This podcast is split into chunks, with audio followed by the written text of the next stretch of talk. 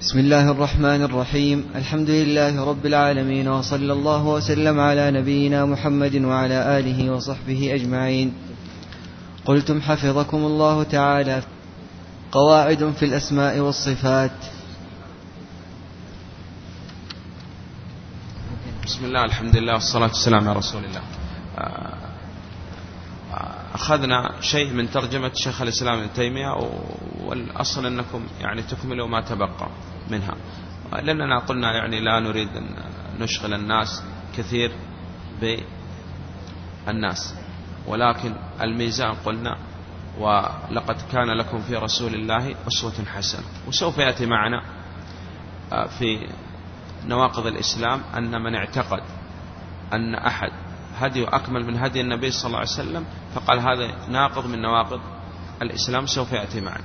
فخير الهدى هدى محمد عليه الصلاة والسلام. الآن نأخذ بعض القواعد في الأسماء والصفات وإذا ضبطت هذه القواعد بإذن الله أي كتاب في الأسماء والصفات يكون سهل عليك أن تقرأ. هذه القواعد آه، من أخذت من الأول آه، كتاب الشيخ بن عثيمين رحمه الله مختصر العقيدة المذكرة مذكرة العقيدة الواسطية. وشرح العقيدة الواسطية. ومن أيضا كتاب الشيخ بن عثيمين رحمه الله القواعد المثلى وأيضا من كتاب السفارينية شيء منه وشرح شرح الواسطية شرح الرشيد هذا اسمه؟ التنبيهات السنية. لأن التنبيهات السنية يعني عقد فصل في قواعد الأسماء والصفات فالأصل أن تراجع. طيب وشيء أيضا من كلام شيخ الإسلام وشيء من كلام ابن القيم رحمه الله سواء كان في النونية أو في غير النونية. إذا آه، الأصل أنكم تراجعوا هذا هذه القواعد. نعم. بسم الله.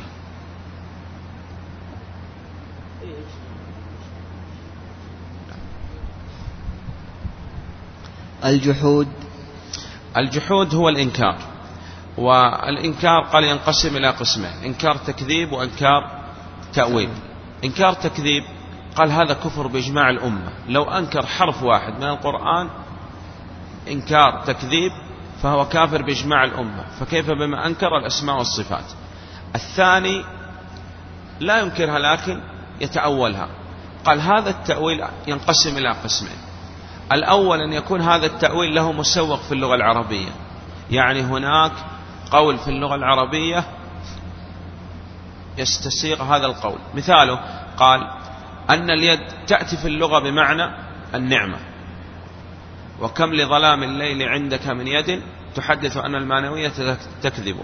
وقال لولا يد لك عندي. فإذا قال أن اليد بمعنى النعمة قال هذا لا يكفر لكن على خطر عظيم. ويجب الرد على هذا القول وبيان ضلال وبطلان هذا القول.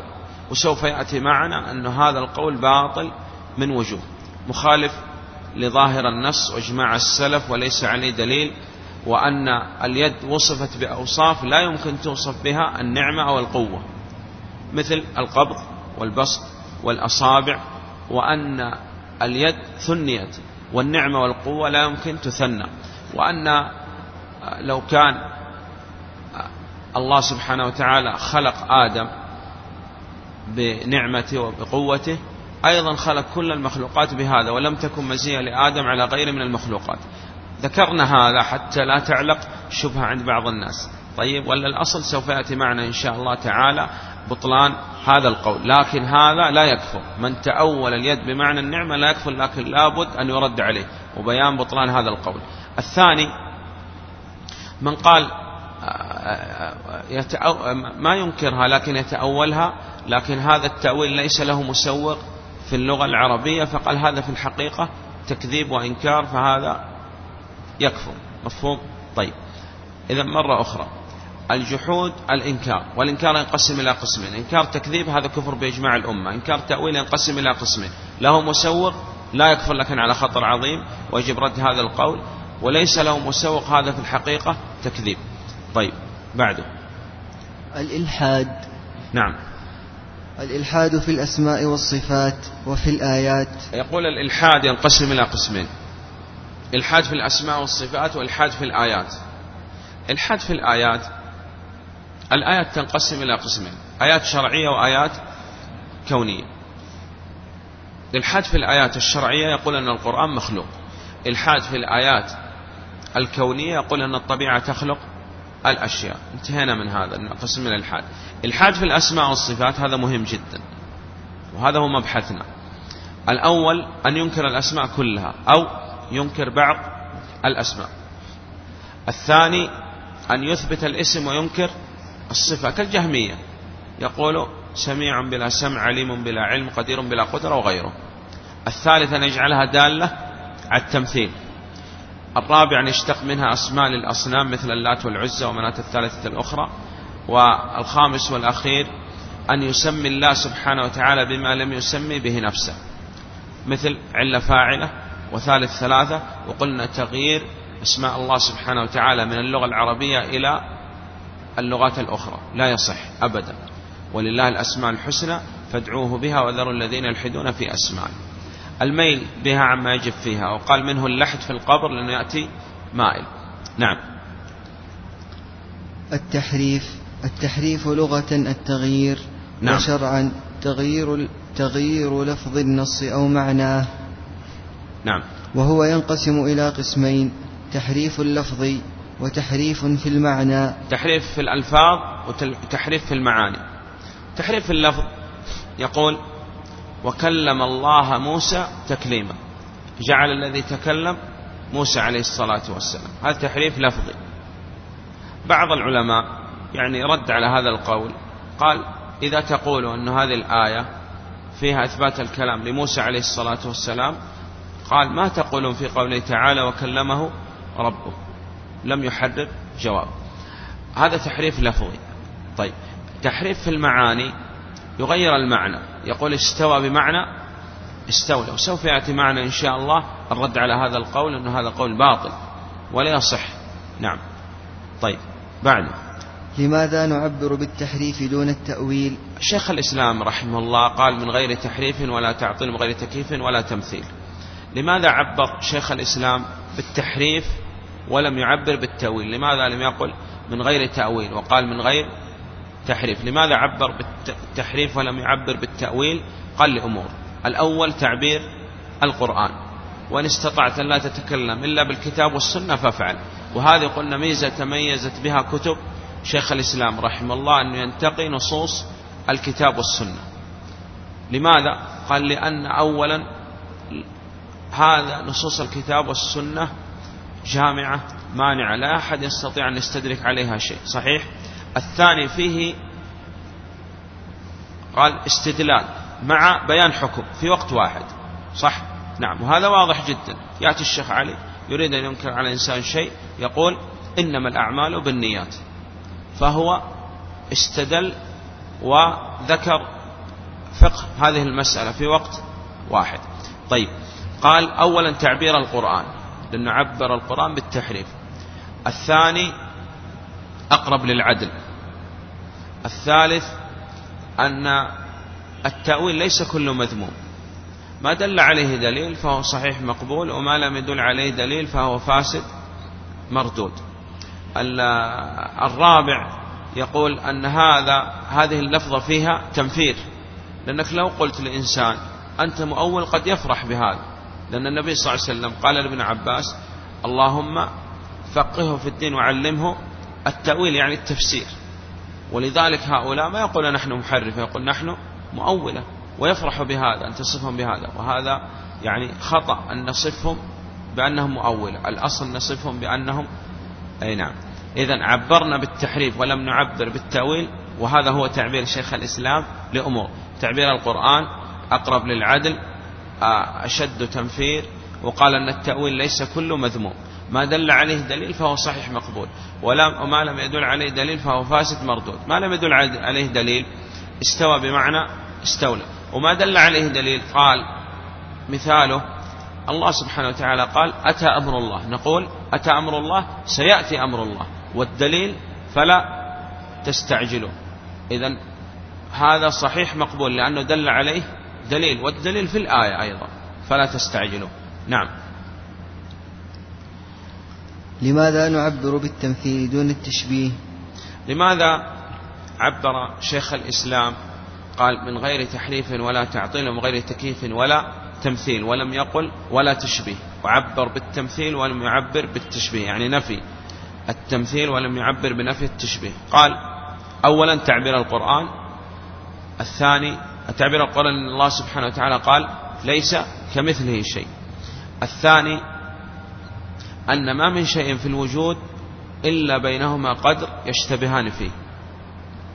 قال تقول أحمد لين والحديد لين وليس اللين كاللين.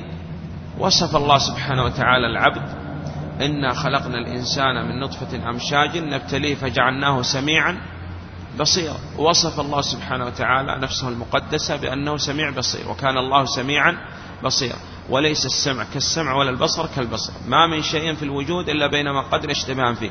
وقلنا مثل أحمد لين والحديد لين صحيح؟ نعم. وتقول رأس الإبل ورأس المال ورأس الوادي. رأس ورأس ورأس لكنها تختلف وإن كانت في الرسم شيء واحد. طيب هذا السبب الثاني. السبب الثالث أن بعض الناس يجعل إثبات ما أثبت الله سبحانه وتعالى نفسه وأثبت له رسوله صلى الله عليه وسلم تشبيها. ولذلك يرمون أهل السنة بألقاب وسوف يأتي معنا إن شاء الله تعالى في الحموية أن هؤلاء المخالفين لأهل السنة والجماعة يرمون أهل السنة بألفاظ وألقاب ينفر عنهم الناس بهذه الألقاب كما كان حال من بعث إليهم النبي الأنبياء والرسل عليهم الصلاة والسلام.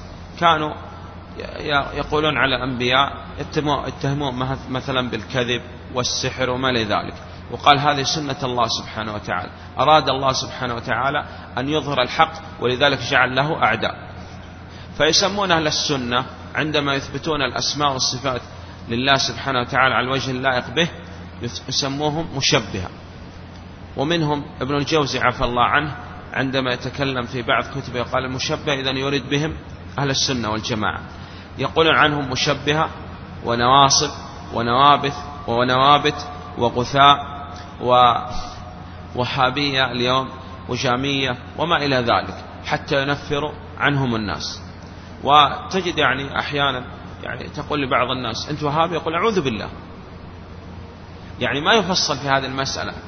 نعم ما يوجد إنسان يقول أنا وهابي وكذا لكن هم يريدوا أن كل من تمسك بالكتاب والسنة وسار على ما كان عليه النبي صلى الله عليه وسلم وأراد أن يعلم الناس التوحيد أولا. وهذه دعوة الأنبياء والرسل يدعو إليه يقول عنه وهابي ولذلك يقال أنه أحد العلماء دخل على أمير من الأمراء وكذا فقال له هذا الأمير احذر فرقة جديدة خرجت اليوم للناس وما لذلك وهذه الفرقة فرقة خطيرة وفيها كذا وكذا وكذا وكذا. وهذه الفرقة تسمى الفرقة الجامية. فقال له هذا العالم قال تعرف هؤلاء الجامية؟ قال والله أنا ما أعرفهم لكن أردت التحذير. قال هؤلاء الجامية هم أنا وأنت. كل من يتمسك بالتوحيد ويدعو الناس إلى توحيد الله يقال عنه جامي. عرفت الجامية؟ قال نعم عرفتهم الآن. إذا وهذا كان حال الناس يعني زمن النبي صلى الله عليه وسلم. كان بعضهم يضع في في أذنه القطن حتى لا يسمع لقول النبي صلى الله عليه وسلم. ينفر الناس عنه فمن باب التنفير يسمون أهل السنة مشبهة. إذا عبرنا بالتمثيل ولم نعبر بالتشبيه لثلاثة أمور. تعبير القرآن ما من شيء في الوجود إلا بينهما قدر اشتبهان فيه حتى وإن كان في الاسم. الثالث أن بعض الناس يجعلون إثبات ما أثبت الله لنفسه وأثبت له رسوله صلى الله عليه وسلم مع التنزيه قال يجعل هذا تشبيه ولذلك يرمون أهل السنة بالمشبهة والمجسمة والنوابت والغثاء والنواصب والوهابية والجامية وغيره نعم. التكييف ينقسم إلى ثلاثة أقسام. يقول التكييف يكون بماذا يكون؟ التكييف أولا يسأل عنه بكيف. كما سأل ذاك الرجل الإمام مالك رحمه الله قال الرحمن العرش استوى كيف استوى؟ فالتكييف قال يكون إما باللسان تعبيرا أو بالبنان تحريرا أو بالقلب تقديرا يعني يقدر كذا وكذا. نعم. إذا التكييف محرم سواء كان باللسان أو بالقلب أو بالبنان. مثاله. الشيخ أحمد معليش شيخ أحمد تحمل. اشترى سيارة. اشترى سيارة. وهذا الشيخ محمد يعني يريد أسأل عن هذه السيارة. قال كيف هذه السيارة؟ هذا سؤال عن ماذا؟ عن الكيفية. فأخذ الشيخ أحمد يتكلم ويقول السيارة هذه لها أبواب ولها كذا وكذا وكذا وكذا وكذا. هذا تكييف بماذا؟ باللسان. الشيخ محمد يعني ليس عنده كبير خبرة في السيارات وكذا. قال أريد أن ترسم لي هذه السيارة حتى أتصور يعني. فأخذ الشيخ أحمد يرسم. هذا تكييف بالبنان صح؟ نعم. مجرد ما قلنا أن الشيخ أحمد اشترى سيارة على كذا هذا الشيخ وقع في نفسه تصور لهذه السيارة. فهذا تكييف بالقلب. وإذا هذه الأمور الثلاثة كلها محرمة في حق الله. ولذلك قال بعض السلف كل ما خطر ببالك فالله سبحانه وتعالى أعظم أجل من ذلك لأن ما يمكن أن ندرك الكيفية أبدا. لماذا؟ لماذا لا ندرك الكيفية؟ لأنه كيف تعلم الكيفية؟ انتبه معي يا أخي كيف نعلم كيفية سيارة الشيخ أحمد؟ نراها صح؟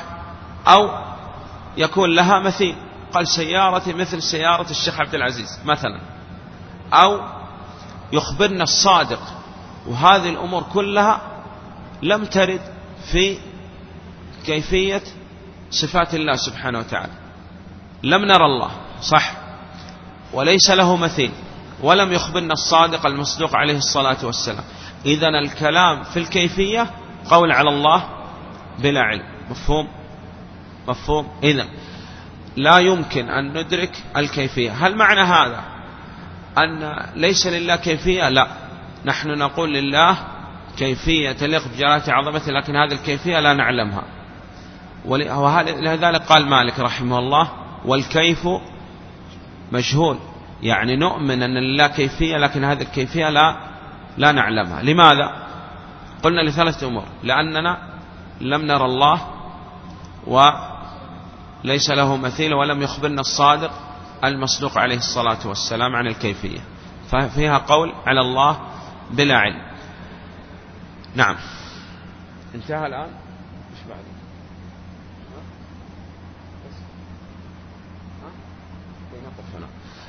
طيب آه، نقف إلى هنا. نراجع الآن ما أخذنا اليوم.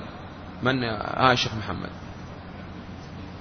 عبر شيخ الإسلام ونحن نعبر كما عبر شيخ الإسلام بنفي التحريف ولم نعبر بنفي التأويل. لماذا؟ لأمور أربعة. الأول أن هذا تعبير القرآن وقلنا أن استطعت لا تتكلم إلا بالكتاب والسنة ففعل الثاني أقرب للعدل. والله سبحانه وتعالى قال اعدلوا. طيب. وهذا الدين سوف يأتي معنا في الواسطية أن هذا الدين دين عدل. لا كما يقول بعض الناس أنه دين مساواة حتى يساوي بين الرجل والمرأة ومساواة بين الأديان وغير هذا. سوف يأتينا إن شاء الله. الثالث أي نعم أنه أبلغ في التنفير. والرابع أن التأويل ليس كله مذموم. وسوف يأتي معنا إن شاء الله معاني التأويل. صرف اللفظ عن المهم هنا أننا نعرف أن التأويل ينقسم إلى قسمين. صحيح مقبول وهذا ما دل عليه الدليل ومثلنا عليه بقول الله سبحانه وتعالى أتى أمر الله فلا تستعجلوا أتى سيأتي. والدليل في الآية فلا تستعجلوا. وفاسد مردود مثل تأويل استوى بمعنى استولى وسوف يأتي معنا رد. هذا التأويل المذموم. نعم. نعم الشيخ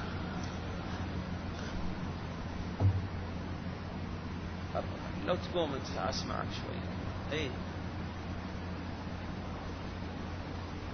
عبرنا بنفي التمثيل ولم نعبر بنفي التشبيه لثلاثة أمور. الأول تعبير القرآن ليس كمثله شيء. والثاني ما من شيء في الوجود إلا بينهما قدر اشتبهان فيه حتى كان في الاسم. وقلنا مثل أحمد لين والحديد لين ورأس الإبل ورأس المال ورأس الوادي. والثالث أن بعض الناس يجعل إثبات ما أثبت الله لنفسه وأثبت له رسول الله صلى الله عليه وسلم تشبيها. ولذلك يرمون أهل السنة بالمشبهة والمجسمة والشكاكة والنواصب والنوابت وغثاء وهابية وجامية. نعم لابد تعرفوا هذه الألفاظ إخواننا لأنه لأنهم هم يريد الرد على أهل السنة وتنفير الناس عن أهل السنة والجماعة بهذه الألفاظ. نعم ها بصالح